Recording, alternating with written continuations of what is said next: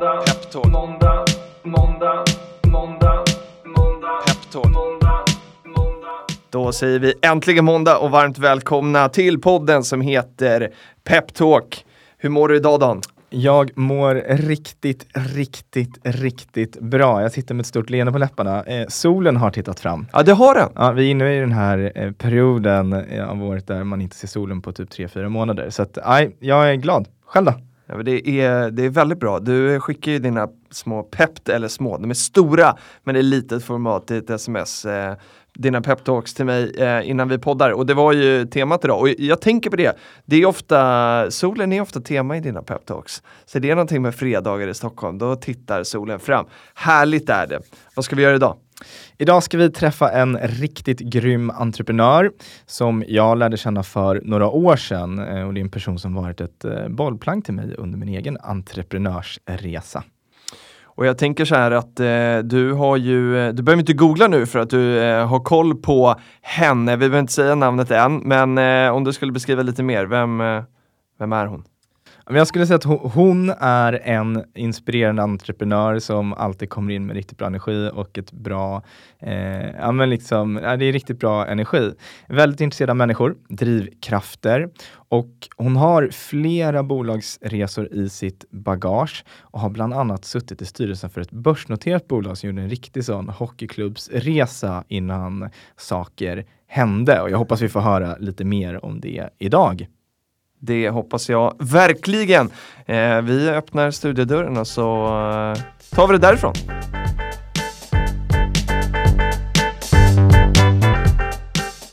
Välkommen till studion Bontariga. Hur mår du idag? Tack, jag mår bra. Jag har ju som sagt varit uppe sedan fem i morse. Det är helt sjukt.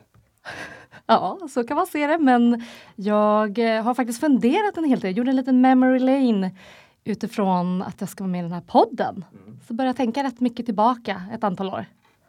Är du med i den här 5 AM Club som det har pratats mycket om sista, sista tiden? Den här elitklubben? Absolut inte. Så du, du går inte upp fem varje morgon? Nej, Nej, jag skulle säga att jag är en kvällsmänniska så att eh, jag undviker gärna att gå upp sjukt tidigt. Men eh, vilken ära det är för oss att du har liksom, eh, gjort en sån ansats då och gått upp och förberett dig så mycket för idag. Eller hur? Jag tycker också jag är väldigt stolt över mig själv. Kul! Om vi börjar med första frågan, eh, vem är Bontariga? Oj, nej vilken svår fråga. Vem är jag? Ja, vad vill du veta? det bestämmer du. Ja, herregud. Ja, nej men uh, ur ett professionellt uh, sammanhang så är jag entreprenör är, um, har alltid jobbat med någon typ av försäljning, älskar sälj, älskar um, människor. Är väldigt nyfiken på människor överlag. Har ett uh, thailändskt kinesiskt ursprung. Är idag 36. Mm. Ja, eh, har tre hundar. Jag vet inte, vad ska jag... vad, vad, det, vad har du för hundar? Jag har tre pälsklingar som jag kallar dem. Ja. Det är två franska bulldoggar och en eh, labrador, en valp. Oh, vad härligt. Så de har jag också varit uppe med mig sedan fem i morse. Jag fattar. Nästa gång är de varmt välkomna till studion också. Det hade varit mysigt. Ja, och hade jag vetat så hade jag tagit med dem. Men då hade vi nog fokuserat för mycket på dem kanske. De kan, är sjukt gulliga. Jag kan tänka mig det. Härligt, och idag ska vi fokusera lite mer på eh, business, eh, lite, kanske lite rekrytering och lite sälj också som är dina eh, absoluta expertområden. Mm. Måste ändå fråga, är det poddpremiär för dig idag? Poddpremiär så som? Att du deltar i podd? Nej, det är det inte, utan jag har varit med i två poddar tidigare. Ganska kort på varandra, så nu senast, eh, den släpptes för några veckor sedan. Det var Resan hit. Mm -hmm. En podd, en väldigt intressant podd som jag kan rekommendera. Det handlar om olika ja, svenskar med invandrarrötter. Mm -hmm. Så allt ifrån skådespelare, entreprenörer, olika, ja, men olika profiler. Jätteintressant att veta ja, men resan hit helt enkelt för alla de olika profilerna. Sen har jag också varit med i Nätverkspodden och bland annat pratat om eh, mycket om VR, mm. eh, virtual reality, eh, som ett, utav, eller så ett, bolag, ett av mina sista bolag här som jag jobbar med. Gud vad spännande. Eh, och jag vet ju att du och Dan eh, känner varandra sedan tidigare. Eh, så det var lite lättare för Dan att skriva frågor till den här. Men jag gjorde som jag alltid gör när, eh, när det kommer gäster till studion som inte har träffat förut. Eh, jag googlade helt enkelt. Ja. Eh, och, och då hittade jag en artikel i Veckans Affärer som hade rubriken Hon lämnade skyhög lön och en utstakad väg för att starta bolag. Eh, och då tänkte jag bara så här, vi, vi vill ju höra om den här liksom, resan, eh, Bontarigas resa, men jag tänker om du bara skulle få beskriva eh, var du stod när eh, liksom Veckans Affärer försöker beskriva, alltså där du står i den här rubriken. Du lämnade skyhög lön och en utstakad väg för att starta eget bolag. Var var du då någonstans? Hur var din situation?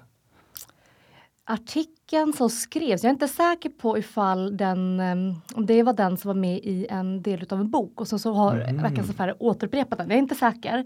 Men Veckans Affärer har ju skrivit några artiklar och eh, jag, just då så var det väl att man var nyfiken på varför jag överhuvudtaget blev entreprenör. Mm. Varför jag överhuvudtaget lä- lämnade en trygghet till att bara hoppa ut i ingenting. Eh, Dessutom med eh, bra ekonomiska förutsättningar. Ja, men, en, en god väg helt enkelt.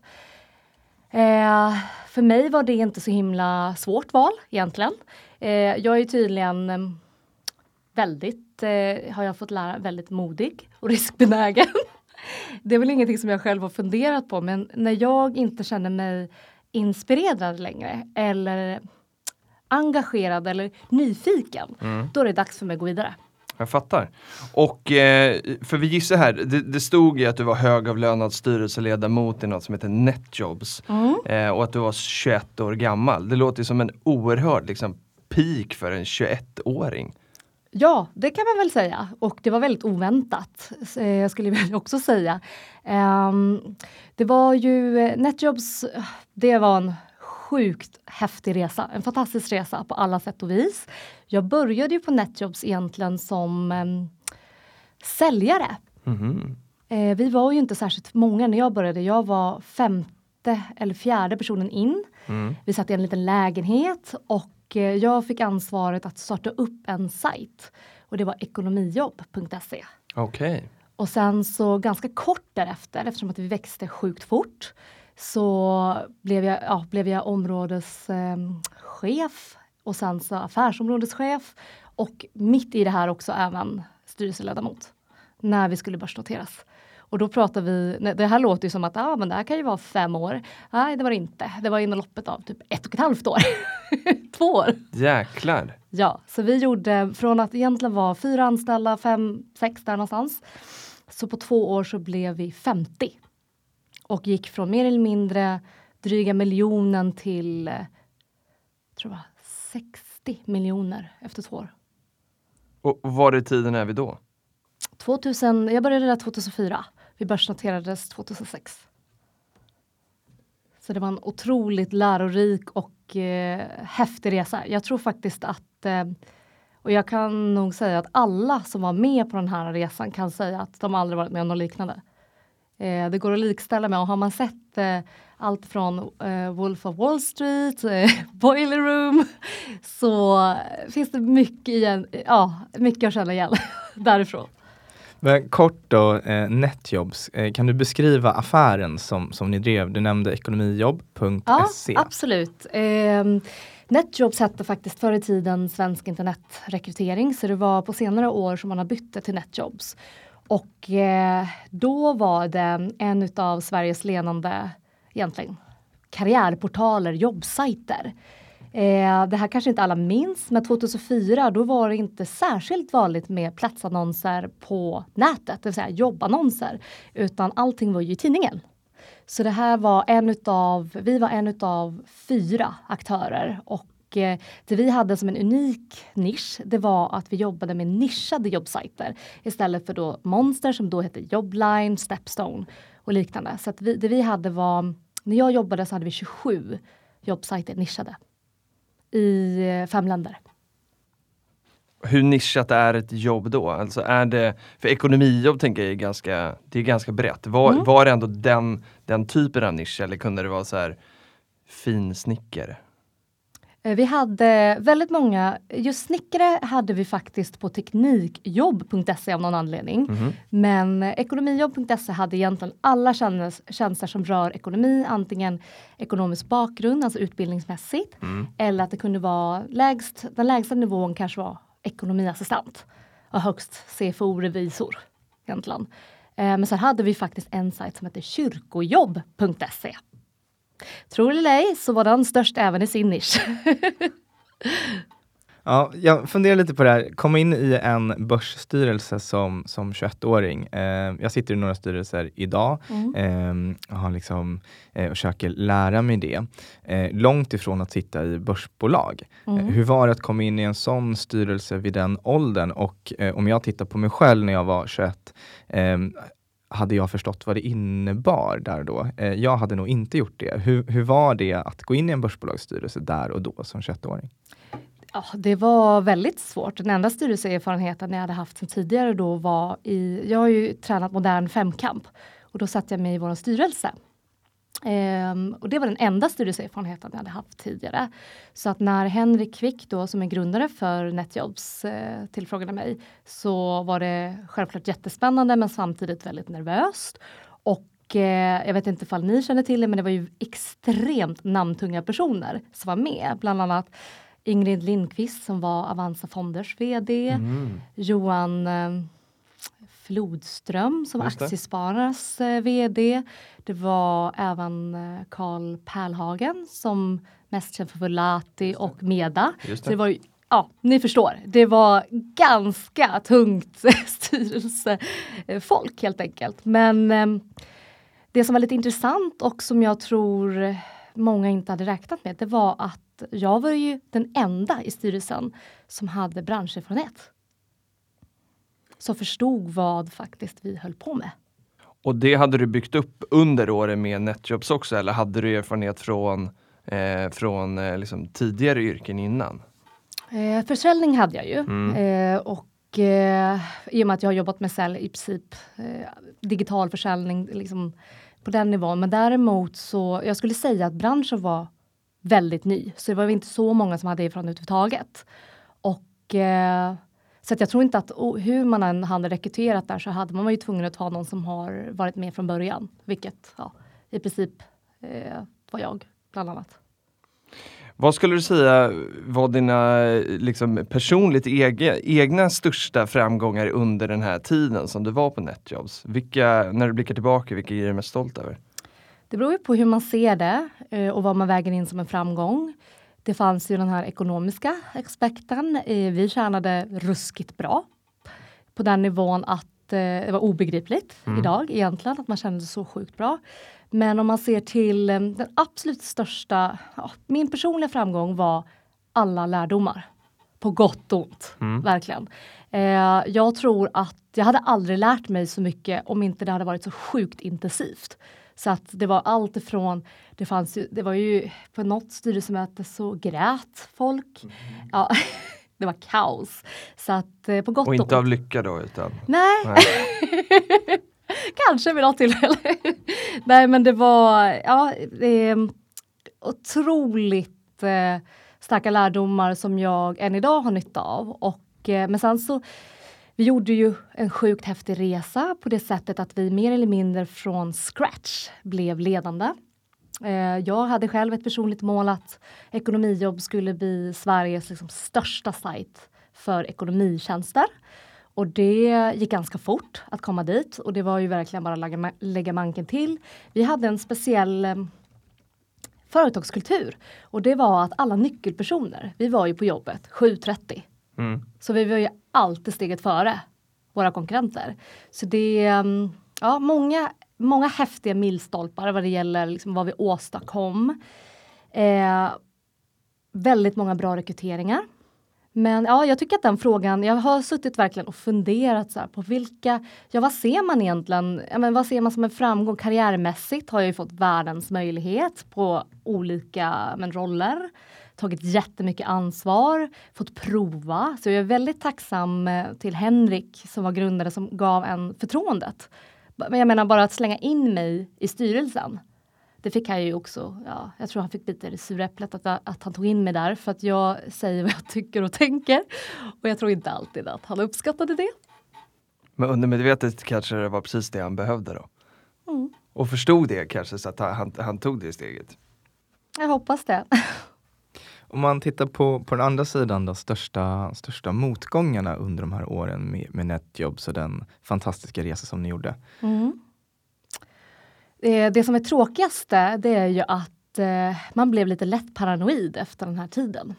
Eh, och det var faktiskt eh, Daniel Kaplan, min eh, nästa då kompanjon som faktiskt sa det till mig. Att han hade aldrig träffat en sån paranoid person. Mm -hmm. Fin komplimang. Nej men och då, då menar vi på det sättet att uh, företagshemligheter, man vill inte berätta om vad man gjorde. Nej men det var, i och med att det var väldigt ungt så var det väldigt svårt att veta vilka man skulle lita på. I och med att vi hade en väldigt speciell kultur så att jag har aldrig varit på ett ställe med så många vinnarskallar på ett och samma plats. Och då kan ni tänka er också vad, alla är villiga att göra i princip det som krävs för att nå toppen. Och det gjorde att, eh, ja, men exempelvis när jag satt i styrelsen, det var ju lite speciellt för att jag jobbade också i bolaget. Så jag fick ju massa information, eller det blev, liksom, det blev lite skevt. Eh, och det gjorde att det eh, var mycket skitsnack överlag, många som stabbade i ryggen. Så det tycker jag var jättetufft. Man var väldigt ensam skulle jag säga. Kunde inte prata med någon eftersom att det som togs upp på styrelse berörde ju många av mina kollegor. Men det kunde jag ju inte prata om. Eh, en del andra motgångar var att eh, för första gången hänga ut i, hängas ut i media. Det var jag inte heller beredd på. Eh, media har ju en tendens att älska en när det går bra och hata en när det inte går bra. Och det fick man ju då verkligen känna på. Um, så att ena dagen var det så här, ungdomsaktier rusar, wow! Alla var så här, vilket häftigt bolag, vad gör ni? Och vi fick massor av nya kunder. Medan så fort vi stötte på problem, då var det tvärtom. Och då, det kommer jag ihåg var sjukt jobbigt. Jag fick mitt ansikte på Dagens Industri eh, och eh, så här, de lurar sina kunder på pengar eller något sådär. Och det var ju så här, det känns ju inte alls bra. ja, så det, det fanns en hel, både, jag skulle säga att många motgångar, många framgångar, men sjukt tacksam för resan. Och häftigt att få med sig de återigen lärdomarna redan vid 21 års ålder. Alltså mm. Alltså erfarenhet som man kan bygga över typ två, tre decennier. Att komprimera det till, till några år bara. Mm, jag kan säga att jag nog blev så här tio år äldre på den korta tiden. Det tror jag nog. Men hade du liksom bra personer runt omkring dig som var, för jag tänker att åldern har en viktig faktor här, att när man är äldre och har varit med om, ja men bara naturligt för att man har varit med om mer grejer så kanske man eh, ja men inte tar lika allvarligt på grejer, man kanske inte blir lika paranoid. Hade du några bra människor runt omkring dig som kunde, när, när ansiktet dök upp i DI, som kunde säga att det är lugnt? Eh, nej, det hade jag faktiskt inte. Och Eh, men däremot hade vi en riktigt bra, i och med att jag satt i styrelsen så tog vi också in en kommunikationsbyrå som mer eller mindre så här, nej men gav en, eh, så här, du kanske tror att det här är världens största problem men det är ingen som känner till det här, det är bara en branschgrej.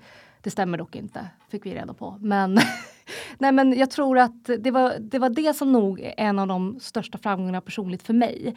Det, det fanns inte så många skyddsnät, det fanns inget skyddsnät runt omkring en utan man var tvungen att ta konsekvenserna och lära sig av dem själv. Mm. Eftersom att alla på bolaget var ju unga, precis som jag. Den äldsta var ju Henrik som var grundare. Han är ju född 76. Så att, ehm, och det var ju nytt för alla. Så all, det var... Jag tror nästan att eh, det hade varit ehm, det hade varit bra med mer seniora människor på bolaget, absolut. Men om man nu tar styrelsen, det var ju... De var ju lika chockade som vi andra, mm. tänkte jag säga. Så det var ju ingen, eh, jag tror att det, man kunde inte förutse de problemen vi hade bland annat. Ja, jag fattar. Intressant är det ändå vad man eh, ja, men, omger sig med för människor. För att det är, ibland är det liksom viktigt att ha människor runt omkring. Så upplever jag i alla fall i, i saker som eh, eh, ja, men människor som, eh, som inte sitter i samma situationer som en själv. För att man behöver ibland reda ut begreppen lite grann. Det är inte så lätt när det går bra för att det, det går också emot ibland. Då. Mm. Ja, nej, det som var en grej som var väldigt unikt med Netjobs eller då eh, SÖR som vi hette på den tiden. Det var att vi, det, bolaget hade en sjukt outstanding företagskultur. Men det blev också lite nästan sektvarning på det. Mm. det var en sån otrolig lojalitet till bolaget, vilket gjorde att man umgicks inte med så många andra människor än sig själva. Okay. Så det var faktiskt lite eh, i efterhand inte alls särskilt sunt. Nej. Det var häftigt för att jag nog aldrig varit med om något liknande. Eh, och alla kan hålla med om det tror jag som än idag jobbar på Netjobs. Men nackdelen var just att man inte fick den här inputen från omvärlden för man var ju så fokuserad och man hade verkligen ett tunnelseende. Och det gjorde att vi åstadkom de resultaten vi gjorde. Men på gott och ont. Det är många som lyssnar på den här podden som är eh, liksom nyfikna på den onoterade aktiemarknaden mm. och bolag som är på väg till börsen och sådär. Eh, och du fick ju då vara med och börsnotera Netjobs. Hur var det? I efterhand så var det ju inte särskilt bra strategiskt. och vad, vad, menar du då? Nej men för att eh, allting blev ju publikt. Ja. Och i ett bolag som eh, ut, utöver den finansiella aspekten för Henriks del, det var ju kanon för honom, men ur ett um, ur andra perspektiv så var det inte särskilt bra för att vi hade inte klara processer. Vi, det var uppenbart att vi växte alldeles för fort och det blev en total insyn på det. Och då kan ni ju föreställa er mm. att från att i princip vara några få personer till att och, och sen ganska snabbt omsatte vi 80 miljoner. Ja, det, det var ganska många problem som dök upp. Allt, ja, som, eh, som inte kanske hade behövt liksom ventileras i media bland annat. Utan jag tror att de flesta bolag går igenom denna typ av problem med olika såklart skalor på det. Men genom att vi var noterade så fick ju alla insyn på det. Och jag tänker är, för jag gick faktiskt in och tittade bara på, eh, på, på aktiekursen mm. eh, och, och, det såg ju verkligen ut som att det, det, tog en otrolig fart i början, det gick väldigt bra och sen eh, kom det ett ganska brant stup därefter. Var det, eh, speglade det liksom bolagets utveckling eller speglade det eh, just det här att, att ni inte var mogna som jag tolkar det som att du menar? Mm, alltså det Bolaget skulle jag säga var kraftigt övervärderat. Till, okay. till eh, vi var ju nog värderade som högst upp där vid 800 miljoner. Men det skulle jag säga beror Och på... När är vi tiden nu då? Är det... 2006. Okej, okay. mm. så det är innan kraschen ja. på aktiemarknaden? Mm. Nej men jag, jag skulle säga att dels hade man väldigt lite förståelse för den här typen av företag. För det var ju inte bara vi som värderades väldigt högt, det var ju även våra konkurrenter de hade, och det var ju några som sålde. Vi, vi, var ju ett utav, vi var det enda bolaget som noterades. Men de andra såldes till andra ja, men, köpare, med större koncerner och liknande. Men um, ja, det, aktiekursen påverkades väldigt mycket av att många, många nyckelpersoner lämnade ju. Så det var bland annat, dels var det massa problem som kom upp till i det offentliga ytan.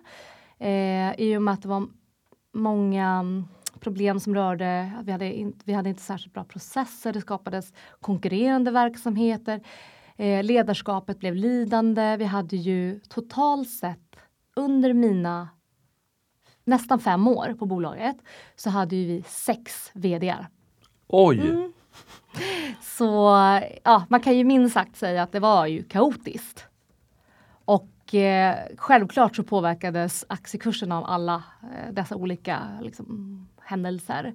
Men jag skulle säga att den absolut största anledningen var att eh, så många eh, nyckelpersoner hoppade av. Mm. Jag slutade titta när jag har ju fortfarande kvar eh, en del aktier och jag slutade titta när vi var ju så högst upp på 42 kronor. Jag slutade titta när vi ramlade ner på 6 kronor. Okay. Det var några år sedan. Men hur, eh, du äger fortfarande lite aktier och sådär. Hur, ja. hur såg ägandet ut i bolaget för dig, för övriga personalen och hur påverkade aktiekursen eh, er liksom i det dagliga dags? Kollade ni ofta på, på hur det utvecklades? Ja, alltså vi var ju, jag var ju i Insider så att eh, man kunde ju, man visste ju att eh, mycket skulle hända. Och eh, aktiekursen trodde vi nog inte skulle påverkas jag hade aldrig kunnat föreställa att vår aktie skulle rasa så mycket. Det var ju jättejobbigt för alla som hade, vi hade ju vi hade ju ett antal nyckelpersoner med personaloptioner. Eh, och alla vi förlorade ett antal miljoner på det. Så att eh, nej, det är nog, det, jag skulle säga, och det är nog majoritet av alla händelser, att ingen hade kunnat förutse det som hände. Om vi eh, lämnar nätjobbstiden, det låter ju som att du skaffade dig en massa, massa erfarenheter och att det Mm. var en spännande tid. Eh, som 24-åring sen så valde du då att ta, eller ta steget eh, ut i det här okända och eh, starta eget. Hur eh, landade du i att det var dags? Jag hade egentligen inte någon tanke på att starta eget. Faktiskt inte. Jag är jättetacksam för att när vi var på Netjobb så blev det ju att man startade i princip sitt bolag i bolaget. Och det var ju en jättenyttig eh, verkligen resa så. Men jag hade egentligen inga tankar på att starta bolag. Men så kom, jag fick ju äran, eller möjligheten att träffa Daniel Kaplan. När jag satt i styrelsen så togs han in som interim-vd. Det är väldigt få som vet om det. Men han var inne en sväng hos oss. Och eh, efter att hans konsultavtal löpte ut hos oss så kontaktade han mig efter det, kanske ett år efter det. Eller han sa kryptiskt innan han lämnade att våra vägar kommer att korsas igen eller i, någon, i någon kryptisk form. Eh, och då tänkte inte jag mer på det, men så hörde han av sig igen. Och frågade om jag ville vara vd på ett utav eh, hans portföljbolag. Eh, Daniel Kaplan eh, hade ett företag som heter Firm Factory eh, Network som påminner lite grann om en inkubator. Eh, startade upp startups eller stöttade startups, gick in med ägarskap. Eh, och då frågade han mig om jag skulle vilja vara VD för han hade ju följt eh, mig både i styrelsen och i verksamheten. Så han hade ju total insyn på vad jag hade gjort och vilka, ja, men vilka framgångar jag hade åstadkommit. Så att han eh, ville väldigt gärna jobba tillsammans med mig. Eh, och det var ju jättekul att höra. Men eh, då var det bara, nej, varför ska jag hoppa av och bli VD för ett företag? Nej, det kände jag inte för. Men sen så kom man, så ställde han frågan på nytt igen. Men vad känner du att det du gör nu på Netjobs, att du skulle vilja göra annorlunda? Och där föll polletten det, för jag hade ju tusen saker jag ville göra annorlunda. Ehm, bland annat var det ju att, eh, nu var det ju då vi är i 2008. Marknaden hade ju, det hade börjat kom, booma ganska ordentligt vad det gäller olika jobbsajter, olika liksom, tjänster överlag inom rekrytering. Och det jag tyckte var riktigt tråkigt det är att man inte tillvaratog kandidaterna. Så när han frågade mig en öppen fråga om "Ja, men, vad skulle du vilja göra för branschen annorlunda? Och där, då tryckte han på en av mina absoluta drivkrafter. Det är att förändra, förbättra. Och då såg jag att vi måste ta tillvara på kandidaterna. Och ur det så skap, eh, startade vi tillsammans Workmint. Och det handlade om att tillvarata alla kandidater som är i eh, slutprocesser. Så att andra rekryterare snabbare kunde komma eller få kontakt med dem. Så det blev, ehm, vi blev Sveriges näst största CV-databas. Grymt. Dan Daniel Kaplan, var, var det han som också hade grundat då Tradera som senare såldes till, till Ebay? Visst Det så? stämmer. Yes. Eh, så ni startade Workmint, eh, fortsätter att jobba inom rekrytering. Eh, idag så driver du eh, bland annat Nordic Psychology eh, och du är också med och strategiskt hjälper tillväxtbolag att sätta ledningsgrupper. Fick jag höra i en tidigare podcast som du varit med i. Mm. Eh, kan du berätta mer om eh, hur din vardag ser ut idag? Hur vad lägger du din tid på? Eh, Min tid eh, är, jag har alltid och sen eh, ung ålder och eh, det, det förstår man om man följer mig eller känner mig. För mig är det viktigt att hela tiden få utlopp för mina drivkrafter, vilket är bland annat nyfikenhet och att förändra. Så att det, jag har nästan i princip alltid gjort fler saker, det vill säga engagerat mig i fler bolag. För att någonstans blir det, bolagen kommer ju i olika faser och när det börjar liksom stagnera eller bli lite tråkigt, då måste jag få utlopp på andra sätt. Och rekrytering har ju alltid då legat kvar just för att det är väldigt spännande att jobba i tillväxtbolag eller hjälpa tillväxtbolag eftersom att det händer väldigt mycket i de olika skedena. Och att tillsätta då till exempel en person i ledningsgrupp och se effekten utav det väldigt kort. Det, det är så givande på så många plan så att jag älskar ju det.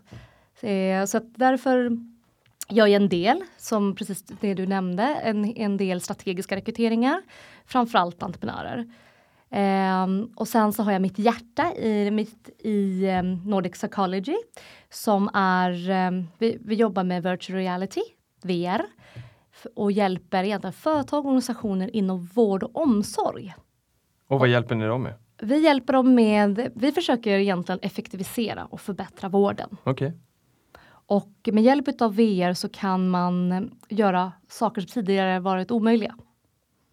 Exempelvis, eh, det kan vara inom psykologi, så handlar det om, det kan vara trauma. Mm. Det kan vara fobier. Mm. Alltså det är en del av eh, behandlingen eller vad man säger då. Mm. Ja. Vi, eh, vi, vi utvecklar och anpassar egentligen miljöer för de olika verksamheterna. Just nu är det väldigt mycket inom till exempel LSS. Mm. Att kunna hjälpa ungdomar att uh, förstå vad som händer om de agerar på ett visst sätt. Det kan vara också förebyggande om man utagerar. Uh, som olika träningsmiljöer, exponeringsmiljöer kan man säga. Vad häftigt! Jag tänker att vi hoppar tillbaka till eh, eh, liksom entreprenörer och rekrytering och då är jag jättenyfiken på eh, att höra vad är de vanligaste misstagen som entreprenörer gör när de, när de sitter i rekrytering? Det är att man vill rekrytera alldeles för fort. Okej. Okay. Mm. Och det är att, man, att eh, i och med, dels är det så att när bolagen går väldigt bra så är det väldigt många som vill jobba för företaget mm. och man själv vill lösa problemet nu, nu, nu. Oftast är det så här, igår. Mm. Och det gör att man kan vara lite för, man, man går för mycket på magkänsla. Man gör inte tillräckligt bra, sätter inte tillräckligt bra förutsättningar eller grundarbetet. Eh, och det gör också att förväntansbilden blir fel. Så väldigt ofta, jag brukar likställa rekryteringen med att dejta. Om man inte har tänkt till eller vet vad, vad man vill utav det, då kan det bli ganska fel. Då får man dejta ganska mycket. och det gäller även rekrytering. Att eh, har man inte satt redan var, varför rekryterar vi? Varför, vad vill vi att den här personen ska åstadkomma i takt med bolaget? Mm. Vad är det för mål? Då är det väldigt, väldigt svårt för den personen som börjar.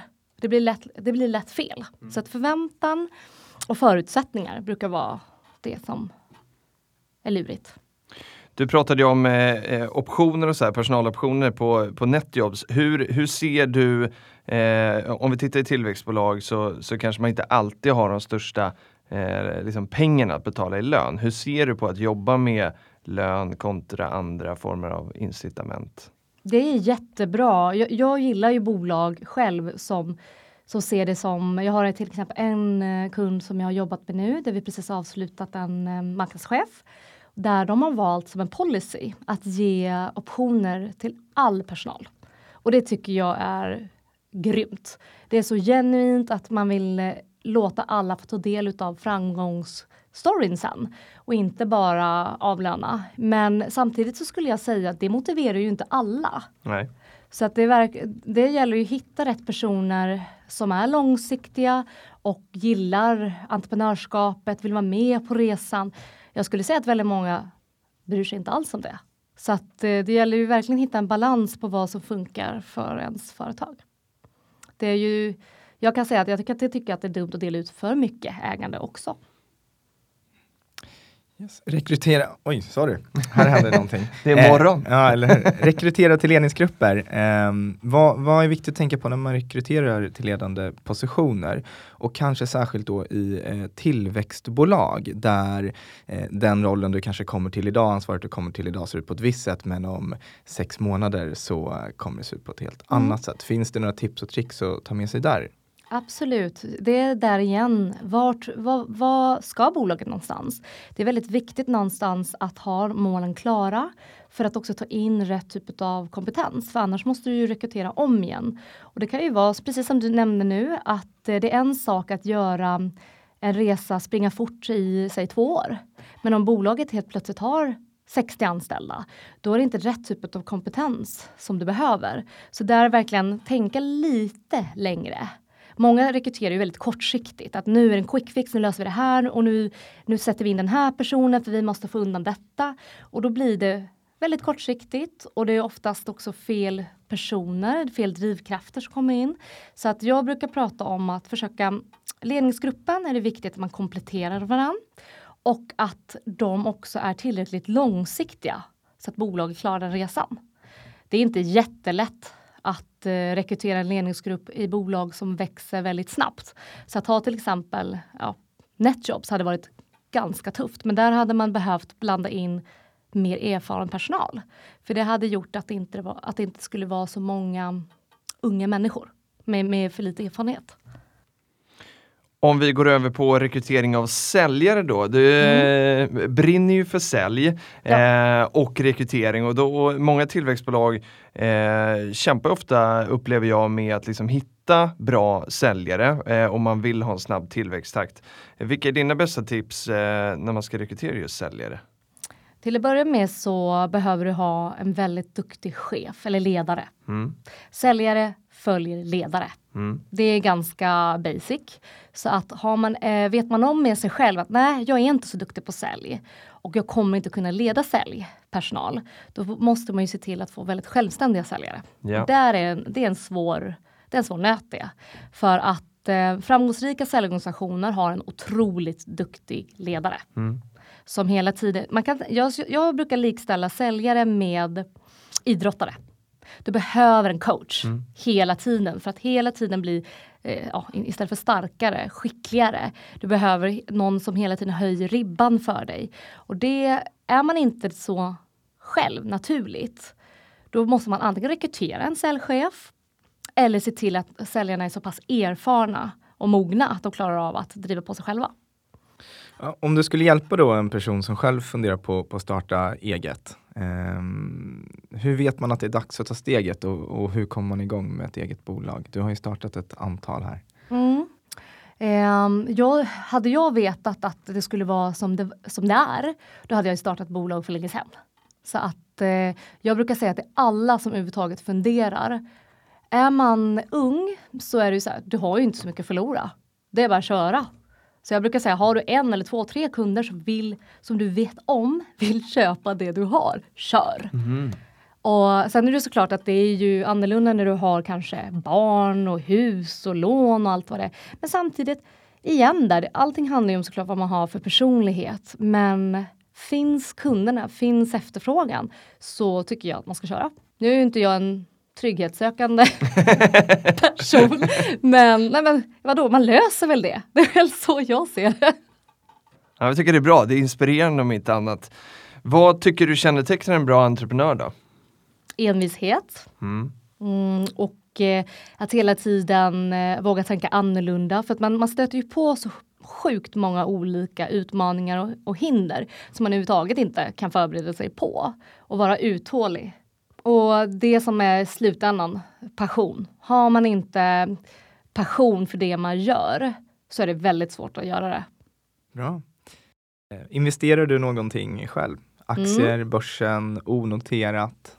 Mm. Jag, eh, ja nu kan man ju säga på senaste tiden har jag investerat i rätt dåliga saker. eh, jag har ju, är ju aktiv i ett antal olika bolag och eh, några har ju varit då, har gått bättre än andra. Men jag investerar i, i, i största möjliga mån i egna bolag eller bolag som jag tror att jag kan vara med och göra en tillväxtresa. Mm. Eh, men eh, på Peppins har jag faktiskt investerat i SmartShake. Okej. Okay. Mm. Mm. Jag tycker Peppins är en super... Jag rekommenderade ett annat bolag som jag investerade i, Proskate. Ett um, ett bolag som jobbar med tippar för skateboard. Mm. Att de skulle köra på Peppins. För okay. Jag tyckte det var väldigt enkelt. För att det är ganska jobbigt att investera i bolag som inte har ordning på sina papper och det tar väldigt lång tid att få tillbaka allt från när man ska redovisa till ja. Och det, så Peppins tyckte jag var grymt när jag gick med när jag investerade i SmartShake. Kul att vi har en ambassadör i studion, det, det visste jag inte. Här vaknar Filip till. Ja, verkligen. Ja, nu kör vi. Skateboardbolaget då, kan du berätta lite kort, vad, vad är det för någon historia? Ja, det, jag är ju med i ett nätverk som tyvärr är nedlagt nu, men som heter Pokerface. Som består av kvinnliga entreprenörer och även företagsledare. Bland annat Jessica Lövström som ni eh, intervjuade är ju också med där, eller var med där. Therese Lundstedt som är ja. VD på Urban Green. Är med. Det stämmer, ja henne känner jag också. Eh, nej men där träffade jag på Lisa Thorén som mest är känd för Babybjörn. Mhm. Det är ju ett familjeföretag Jajamän. och hon är en utav döttrarna. Men hon startade då ProSkate som handlar om att göra skateboard mer hållbara. För de krackelerar ju, om, du, om en skateboard går mot kanten så krackelerar ju tippen. Mm. Så då har man gjort en, det är en innovation som en, en tipp som man kan byta ut. Så att det är, och det, och det är ju helt rätt i tiden för att eh, skateboard blir ju faktiskt en OS-sport. Jajamän. Och man satsar ju på marknader som Brasilien, Kina. Eh, för skateboard har ju blivit trendigt på nytt igen. Men så det är ett bolag som eh, jag tyckte lät eh, spännande och jag, är, jag har ingen prestige i bolag som jag investerar i utan jag tycker att om jag tror att det finns potential och en marknad så går jag in i det. Kanske inte tänker till, jag gör inte kanske helt, jag investerar med magkänsla. Men magkänsla bygger på alla erfarenheter så jag tänker att det ligger mycket kunskap. Ackumulerad erfarenhet. Ja, men magkänsla. precis. Magkänsla och hjärta skulle jag säga. Så, så, så att, eh, tror jag på människorna, tror jag på produkten, då investerar jag. Så du har investerat i det här skateboardföretaget? Eh, då? Ja, Kul! Eh, och eh, du får gärna ja, men be dem eh, höra av sig till oss. Det kan, de kanske redan har pratat med Latif eller någon annan av mina kollegor så jag ska fråga när jag kommer tillbaka till kontoret. jag har i alla fall sagt det vid, vid säkert två, tre tillfällen. Ah, Okej, Ja, för jag tycker de ska ha koll på, men göra det enklare för fler också att investera i deras företag. snyggt. Det gillar vi. Så ska jag snacka med min bror som är skatare och så ska jag eh, kolla om han har koll på de här. Ja, Och även om man kanske tror det när Bonteriga pratar nu så är inte avlönad av Peppins när de sitter och Nej, verkligen inte. Att, eh, Ver verkligen inte. Jag hade ingen aning så jag tycker det Nej. var jättekul. Jätte... Ja, nej det är jag ju verkligen inte, men jag blir gärna det. Nej, jag, jag älskar allting som förenklar och Ja, ehm, det, har ju, det har kommit många sådana, eller det har ju kommit fler sådana liknande tjänster eh, med crowdfunding och Mm. liknande. Men jag tycker att eh, just allt, jag avskyr all form av pappersarbete. Och eh, att investera i bolag innebär väldigt mycket pappersarbete. Så att eh, slipper man det så skulle många fler investera. Word! Mycket bra. Jag tänker som avslutande fråga så eh, undrar jag och Dan vilka du tycker att vi ska bjuda till podden. Oj, det var ju svårt, men eh, i vilka i vilket sa- ja, Nej sammanhang? men eh, om, om du tänker på men onoterade liksom, tillväxtbolag och om det, det kan vara investerare eller entreprenörer eller, ja, men, eh, eller andra Bontariga-typer som är härliga att lyssna på. Jag vet jättemånga, men en person som jag tycker man i alla fall ska hålla koll på det är Lisa Lindvall som är vd och grundare för DeFit Mhm. som jobbar med eh, 3D eh, body scanning. Okej, Och det är för att minska returer. Så eh, hon, vi delar lokaler och eh, superhäftig tjej som gör en cool resa. Eh, helt eh, ja, en innovativ eh, uppfinning som gör att man lättare ska kunna beställa kläder och minska svinnet. Stort tack för att du kom till studion. Stort tack för att jag fick vara med. Tack. Okej, Filip, det var Bontariga. Jag har ju träffat henne några gånger tidigare, Ja. eller ganska många gånger tidigare. Det här var första gången som du träffade henne. Jajamän. Vad, vad tar du med dig från den här intervjun? Eh, jag kan börja med vad jag, tog, vad jag tar med mig från innan intervjun. Vi kom till, eh, eh, vi spelade in på Fing, eller hos Fingwire eh, och eh, det är fredag morgon. Vi var här lika tidigt. Eh, både du och jag Dan är ju såna här tids eh, pessimister, optimister. Där, vi är alltid för tidigt. Eh, och det var hon också, så jag gillade henne liksom redan där eh, och vara i god tid. Eh, från intervjun eh, tar jag med mig jättemycket energi, vilka liksom eh, ja, men jag tyckte det var jättespännande att höra om hennes, eh, hennes resa, alla erfarenheter som vi säkert bara fick höra en bråkdel av, men även de eh, liksom slog ju till en. Det var ju, ja, vilka, vilka grejer hon har varit med om. Eh, och, eh, och sen liksom mot slutet av den här eh, intervjun när vi börjar mata med frågor om som egentligen är, tips till entreprenörer och sådana där. Vilka, ja, vilka svar? Jag tar med mig jättemycket inspiration härifrån. Inte minst kring rekrytering. Härligt. Jag, jag sa ju till, eh, på riktigt, jag skrev till Bontariga igår kväll eh, att eh, vi kommer vara här från 08.45. Okej. För jag vet om att hon brukar komma i, i god tid. Ja, Eh, det var hon också. Ja men exakt. Och på tal om Finwire och på tal om Olle då som varit med och, och grundat Finwire. Så vi har en historia tillsammans. Eh, vi spelade innebandy ihop och på en träning i Munktell-arenan så trampade han faktiskt på min fot att jag bröt min tå. Jag vet inte om han kommer ihåg det här. Eh, men Vi får det, fråga honom efter. det är vår historik. Eh, någonting som jag tog med mig från eh, den här intervjun, eh, att vara 21 år, eh, samla på sig all den här erfarenheten eh, att, av att sitta i börsstyrelser, att vara med i en sån tillväxtfas för ett bolag. Eh, det tar år tionden att samla ihop sig den erfarenheten Mm. och hon börjar ackumulera den när hon är 21 och, och under ett par år så får hon med sig allt det här. Eh, vi pratar lite här i eftersnacket efter Mm. intervjun också hur det egentligen var att eh, vara mitt i den tornadon. Ehm, jag, och du ställde en jättebra fråga kring det tyckte jag, att eh, hur hade hon några människor runt omkring sig som hon kunde bolla Mm. situationen med? Hon beskrev ju också det här med att en stor del av hennes, eh, ja men det var en väldigt stark företagskultur, man umgick mycket, umgicks mycket med varandra eh, på kontoret eller man lärde känna varandra så umgicks man också mycket på fritiden. Och att då sitta i styrelsen och Mm. komplexiteten det kan, kan skapa att både försöka vara, eller vara en del av gänget men samtidigt då sitta på massa annan information. Eh, ja men jätte, Och där också att, eh, och det kan också ha varit från eftersnack, jag ber om ursäkt i så fall, men min reflektion är att eh, Ja, men att, eh, ja, men jag tror hon menar lite grann att man kanske ibland, för min fråga handlade ju om, så här, du var ung, hade du äldre personer runt omkring dig som var mentorer som kunde hjälpa dig i de situationerna som var tuffa? Eh, för att äldre personer borde ha mer erfarenheter. Eh, och eh, jag, jag fick uppfattningen om att hon hade fått cred för att hon liksom vågade vara uppriktig och ärlig liksom i sin styrelseroll på ett sätt som, som de som var äldre inte eh, vågade vara. Eh, så att det här med ålder har kanske inte alltid någonting med erfarenhet och liksom mod att göra. Finns inte naturligt en korrelation.